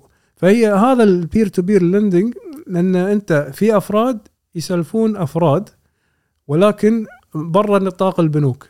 وفي شركة في النص تأخذ عمولتها بين بين الممول وبين المقترض. يعني على على مستوى البنوك كانه شخص قاعد يودع وشخص قاعد ياخذ قرض بالضبط. بس وين يتفوقون هل العوائد أفضل هني ولا يعني وين لا- يتفوقون لأن هذيل هذيل لو راحوا للبنوك ما راح يعطونهم وي. يعني هذيل المؤسسات- شركات صغيرة. شركات صغيرة وكذا يعني أو يطلبون منهم طلبات وايد. أو يعني فهذيل مؤسسات أو شركات يمكن البنوك مو مؤهلة إن هي تخدمهم عرفت شلون؟ وبت... ويبي وممكن يكون عنده مع بنك ويأخذ من أفراد كذلك يعني يزي- يزيد مصادر التمويل بحيث إنه يكون عنده مثلا ماخذ من بنك شيء ويأخذ من ال peer to peer lending شيء هم آه، ينوع مصادر التمويل آه، كبنك بوبيان بخالد اليوم آه، شلون تتعاملون مع هالتقنيات الجديده يعني فرضا موضوع ال fintechs تفضلت فيه توه. يعني هل أنت تحاول أن تضيف هذه الميزة عند البنك تكون أو تستحوذ على هذول P2Ps ولا؟ والله شوف للحين إحنا يعني عندنا إدارة متخصصة يعني اللي هي إدارة الابتكار والشراكات ال partnerships فإن ال partnerships هذه هي المفروض تشوف هل fintechs اللي موجودين وتحاول نشوف شلون نقدر نستخدم خدماتهم أو الأشياء اللي هم متفوقين فيها بحيث إنك على قولتهم don't reinvent the wheel أو ليش تبني شيء أنت ممكن تاخذه ويكون جاهز.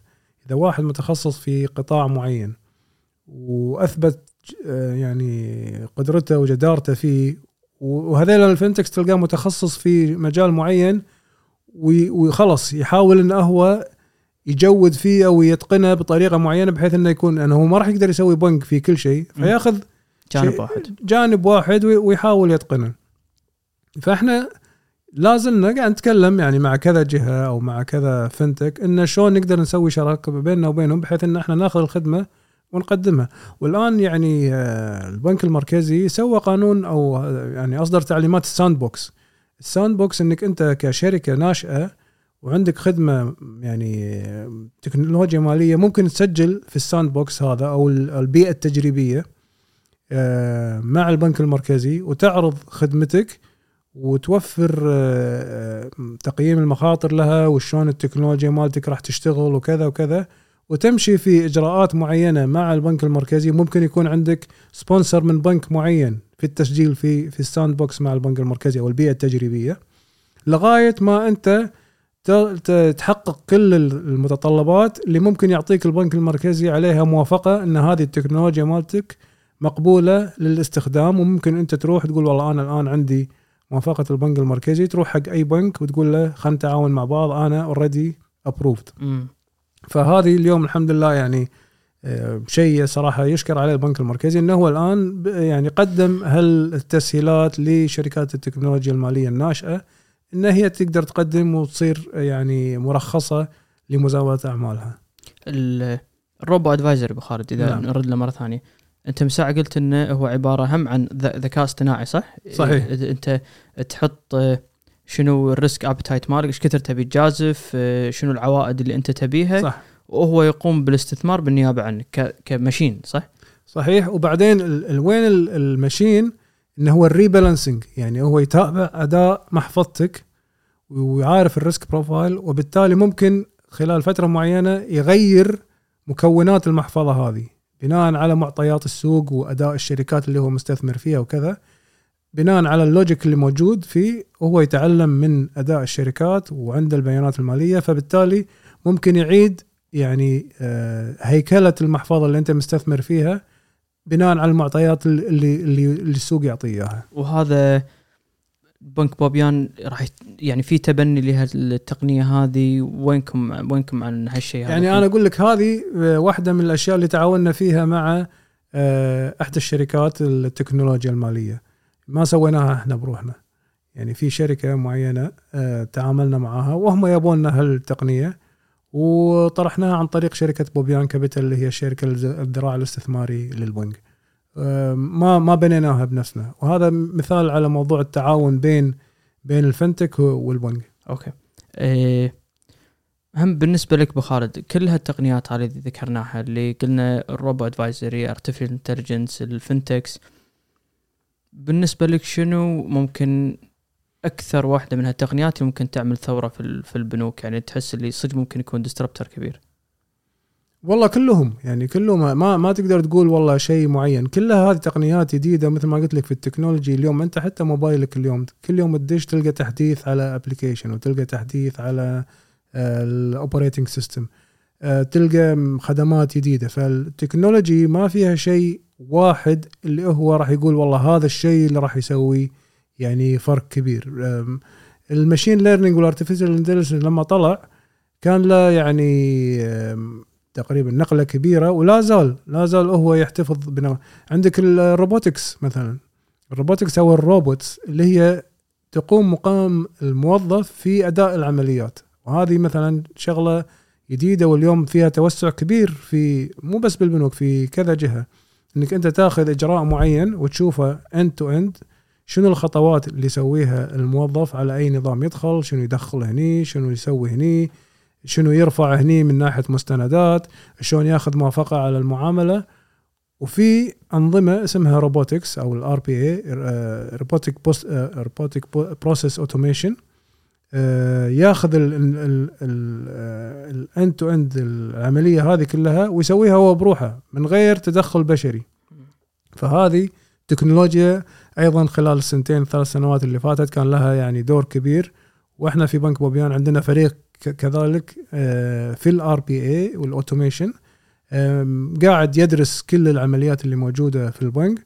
واليوم أصبح له هالفريق طلب أعلى من العرض. يعني من كثر ما الإدارات شافت إن شلون الفائده اللي قاعد نستفيدها من من تطبيق هال robotics اليوم أصبح في وايد إدارات معينة تقول والله تعالوا يا جماعة درسوا لي هالإجراء اللي عندي أنا بسوي له automation فيون الفريق يدرسون الإجراء ويروحون يطبقونه على ال على ال RPA ويصير الإجراء automated أه، بخالد شوف أنا كل ما نتكلم عن automation أسأل الشخص اللي قدامي السؤال الجدلي الكبير. م. يعني مو هذا مو شرط تتكلم داخل الكويت. أه، أعتقد يعني حتى على مستوى العالم كله. دائما أه، كلمة automation ترتبط في وظائف خسارة وظائف. ف يعني انت لما قاعد نتكلم عن كل هالتقنيات هذه وال digital bank وتقليل الفروع يعني وهم نشوف على المستوى الثاني إن القطاع البنكي في الكويت هو يمكن من أكبر إذا ما كان أكبر قطاع يوظف كويتيين في القطاع الخاص. شلون على هذه الموازنة؟ شوف هي الوظائف راح تختلف ما راح تختفي ولكن طبيعة الوظيفة راح تختلف. يعني الشخص اللي كان يجي ويقعد processor ويسوي معاملة معينة اليوم يمكن ما أحتاجه لكن أحتاج الشخص اللي راح يدرب ال chatbot أو راح يسوي ال RPA ال process إنه يسوي له برمجة بحيث إنه يسوي العمليات أحتاج هذا الشخص. يعني إحنا يوم الخميس اللي فات خرجنا دفعة 15 آه، شاب كويتي خريج جديد يبنى لهم آه، شركة أو يعني الشركات اللي نتعامل معاها في مجال ال process automation وال RPA وال process BPM process business process management ودربناهم بحيث إن هم يكونون مؤهلين إن هم يستخدمون هالتكنولوجيا. كنت بالأول يمكن بأخذ مجموعة ولا زلت أخذ مجموعة call center agent هذول لهم دور. لكن مثلا كنت آخذ tellers. اليوم ما أحتاج teller أنا. ما أحتاج واحد قاعد في الفرع يعد فلوس. مم. يعني ما أحتاج teller. أحتاج الشخص اللي يتعامل مع ال RPA مع ال BPM مع ال artificial intelligence مع ال machine learning أحتاج هالأشخاص. أقول لك تونا خرجنا دفعة 15 واحد متخصصين في هالمجال. بالتالي المهارات المطلوبة اختلفت. طبيعة الوظيفة اختلفت. ما يعني ما راح يكون في أنواع ثانية من الوظائف اللي محتاجها. طبعا لا شك إن التكنولوجيا راح تسوي efficiency راح يعني راح تقلل من يمكن كنت تحتاج 50 واحد راح تحتاج اليوم 20 واحد. يعني أكيد راح تأخذ أشياء روتينية تم تم الاستغناء عنها ولكن في قدرات ثانية مطلوبة في مجال ال technology وال digital آه قاعد تنشأ وعليها طلب كبير و وإحنا لما ندور ما نلقى. أنا أنا جايك على هالسؤال. أنا أنت بصراحة قلت لي إنك انت خرجتوا ف أول يجرني السؤال إنه هل أنت تلقى خامة جاهزة أول شيء لما تبحث عن هذه ال talents اللي أنت تبيها؟ بعدين إذا أنت ما قاعد تلقاهم شنو قاعد أنت قاعد تخرجون قاعد تدربون يعني مو هذا اللي إحنا سويناه. إحنا من كثر ما إحنا قاعد نشوف إنه في طلب كبير على على ال talent أو الكفاءات في مجال ال digital يعني في العالم كله. اليوم أنت اسأل أي واحد في العالم يتعامل في مجال التكنولوجيا راح يقول لك شنو مشكلتك الكبيرة؟ إن ماني لاقي الكفاءات اللي أنا أحتاجها وإذا لقيتها حيكون أسعارها وايد عالية.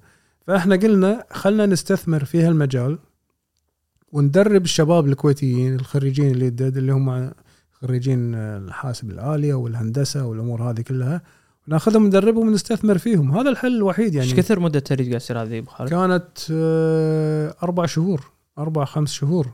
آه، ودشوا في أشياء وايد يعني. وما شاء الله عليهم يعني شباب ما شاء الله عليهم يعني أبدعوا وفاجئونا الصراحة يعني في إبداعهم. يعني في certification معين في امتحانات يدخلون فيها. فكلهم طافوا ال certification بشهادة ال- الجهة المعتمدة اللي إحنا قاعد نتعامل معاها لتدريبهم. وتأهيلهم ومنحهم ال certification انهم أصبحوا مؤهلين. طبعا الحين هذا الجزء التدريبي لكن يبي له لما الحين يبدي يلتحق في الإدارات المعينة يبي له وقت معين يمكن أربع خمس شهور يكون جاهز إنه يبدي. وفي قبلهم مجموعات كنا معينينها من أول اليوم اخذوا مناصب عندنا في في إدارة التكنولوجيا وفي إدارة ال digital. شباب كويتيين وبنات كويتيات اليوم هم أصبحوا مشرفين على الشباب اللي يدد اللي دشوا هذيلا. وكانوا مثلهم كانوا fresh ما يعني ما عندهم خبرة سابقة. خذيناهم دربناهم نظري عملي جبنا لهم ال- الجهات المعتمدة اللي تدربهم. وحطيناهم مع ناس عندهم خبرة سابقة. واليوم خذوا خذوا أدوارهم يعني وصاروا هم رؤساء الفرق يعني. بس أبو خالد وأنت قاعد تتكلم قاعد اتخيل شغلة أنا ان هل ممكن يوم من الأيام هذه الإدارات اللي أنت قاعد تذكرها اللي مختصة بالتكنولوجيا تكون يعني أكبر الإدارات حجما داخل نطاق مصرفي داخل إطار بنك. هي مو راح تصير هي صارت. صح. يعني- بوبيان عندكم صارت صار إيه هالشيء. إيه يعني إحنا أول كان عندنا ويمكن بعض البنوك أو الجهات كان في إدارة واحدة اسمها إدارة ال... قبل يسمونها الكمبيوتر وبعدين صار اسمها ال IT. عدل إدارة ال... كمبيوتر إيه، إدارة. الكمبيوتر. تذكر أول يقول ما أدري، أنتم ما لحقتوا عليها بس إحنا لحقنا عليها. إيه. إدارة الكمبيوتر. وبعدين صار حاسوب بعد يمكن الحاسوب إيه. إيه. وبعدين صار اسمها ال IT أو ال information technology اليوم هالإدارة هذه اليوم صار تفرعت صارت أربعة. صارت أربع group ات بعد بس مو بس إدارة مو unit ولا department it's group صار عندك digital group صار عندك data group وصار في chief digital officer وصار في the chief data officer ال data مثلا والاهتمام في موضوع ال data والبيانات هذا ترى شيء كبير.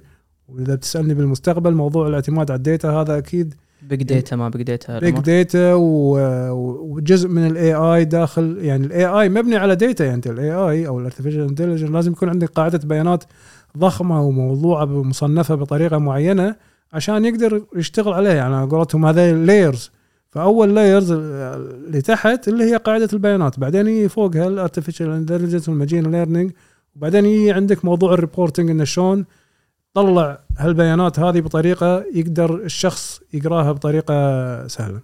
فالمهم نرجع حق موضوع يعني شلون إن الإدارات أو تقسيمات ال- الإدارات في في البنوك أو في المؤسسات اختلفت من ما كانت عليه بالسابق إلى اليوم الحين صارت من أكبر الإدارات اللي موجودة في البنك يعني أو من أكبر ال groups فال IT موجود اليوم وأصبح عندنا data وأصبح عندنا ال digital وأصبح عندنا center of excellence center of excellence اللي هو فيه ال project management وفيه المشاريع وفيه التنسيق بين الإدارات هذه كلها مع إدارات ال business سواء ال retail أو ال corporate أو ال investment فموضوع التكنولوجيا طبعا يعني أصبح كبير. أنا لأن أبو خالد قاعد أحاول كثر ما أقدر بصراحة بهالبودكاست إن يعني أحاول أوضح الصورة للناس يعني يعني سواء ولي أمر ولا شخص على مشارف إنه يتخرج مم. يعني أنا أشوف بصراحة في عتب يعني لما تشوف تشوف فرضا خطة بعثات للحين تاخذ الحيز الأكبر لتخصص فرضا ال- المحاسبة إيه، يعني فهني عشان كذي أحاول دائما أسأل شخص إيه، يقود مؤسسات كبيرة إنه يعني أتمنى توضحون حق الناس إنه شنو ال ال ال ال آه، التخصصات اللي أنتم ترغبون فيها كسوق عمل. لأن بصراحة أنا أعتقد يعني ك كجهات حكومية يمكن حتى اعلاميا ما قاعد يقومون بهالدور يعني. صحيح كلامك وأنا نصيحتي للكل إذا إذا واحد يبي يفكر اليوم إنه هو بيروح يدرس أو ولي أمر يدخله في مجال التكنولوجيا. أقول لك عليه طلب وكبير وسوق السوق يعني يطلب وايد أكثر من المعروض.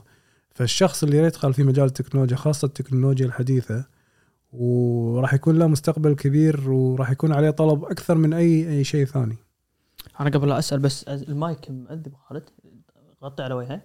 تمام. بس بس تنزله شوي أبو خالد. أنا ما راح أوقف بس بكمل بس إيه, إيه بس أبو خالد تو تكلمنا على موضوع ال Big Data. يعني شوف أنا أنا قعدت فترة بأمريكا فأدري إنهم يجمعون معلومات عنك من كل صوب. ما أدري إذا هذا الشيء موجود بالكويت بس لاحظت تو كأنه قاعد يصير في تعاون بين البنوك وشركات اتصالات. إيه يعني ان في أو أو عفوا شركات اتصالات هي قاعد تقدم على رخص بأن آه، تحصل على رخص فرضا digital banking إي. يعني هذا يمكن شفنا زين تو قدمت. فهل لهذه الأسباب يعني هل يمكن شركات اتصالات عندها هالمع... كم كم المعلومات فهي تعتقد إن هي ممكن تدخل على هذا ال sector ولا؟ لا هو يعني معظم شركات الاتصال في العالم صار عندها يعني ذراع مالي أو ذراع مصرفي أو ذراع يعني صارت جروبات وعندها قاعدة عملاء كبيرة وعندها أرباح ما شاء الله آه، ضخمة فبدأت تتفرع وتدخل في مجالات أخرى غير موضوعها الرئيسي أو تخصص الرئيسي اللي هو الاتصالات. وصار في يعني مثلا الحين لما تقول لي والله مثلا في السعودية صار في اس تي سي باي اس تي سي باي كانت wallet QR و payments و merchant وكذا ومحلات و P2P payment لما صدر آه، بعدين قدموا وخذوا رخصة بنك. يعني STC في السعودية اليوم كانوا شركة اتصالات. بعدين سووا STC Pay اللي آه، آه، كانت محفظة رقمية. واليوم قدموا وخذوا رخصة بنك رقمي في السعودية.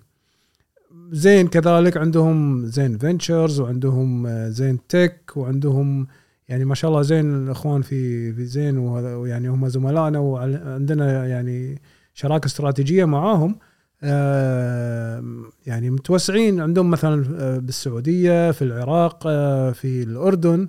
محافظ رقمية ودخلوا في موضوع ال financial services وال payment فهل هذا راح يجي الكويت؟ على قولتهم wait to see يعني إذا راح يصير هذا. لا زال في الكويت ما في قانون البنوك الرقمية. بس أنتم الحين في نيه أن يكون في بنك رقمي بالكويت؟ من بوبيان يعني؟ من بوبيان. شوف إحنا قدمنا مع زين بالسابق وهذا معلن يعني مو مو سر على على محفظة رقمية لخدمة اللي هم الاندر بانك أو اللي هم الرواتب المنخفضة أو الدخول المنخفضة. وقدمنا عليها آه، لكن صادفتها ظروف فما ما يعني ما ما رأت النور يعني.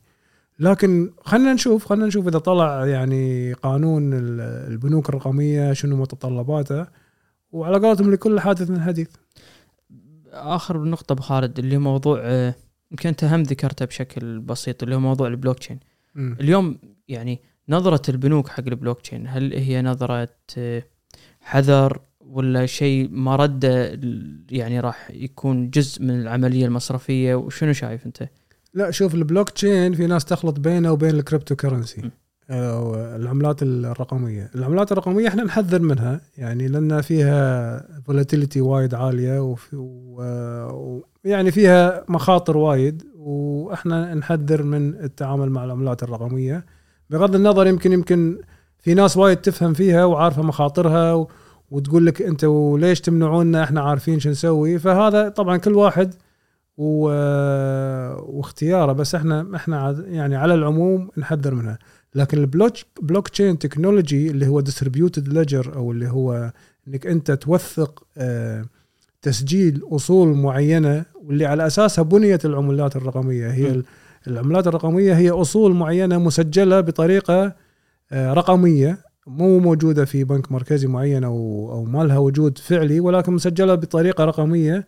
على تقنية البلوك تشين أو اللي هي ال distributed ledger بحيث إنه ما في أحد يقدر يتلاعب فيها أو إنه يغير صفاتها لأن هي موجودة على على أكثر من من مكان وبالتالي لازم يعني إذا بندخل في يمكن كان عندك حلقة أنت مع أحد المتخصصين في البلوك تشين أو آه، كذا فإذا بندخل فيها يعني شرحها راح يطول إيه، لكن فال blockchain ك technology البنوك ما عندنا مشكلة إن إحنا نستخدمها ل ل آه، لمتطلباتنا أو ل لاستخدامات البنك كبلوك تشين لكن ال cryptocurrency هو هو شيء مبني على تقنية البلوك تشين فتقنية البلوك تشين آه، ما ما بالنسبة لكم ما يعني ما, ما فيها مشكلة. تمام.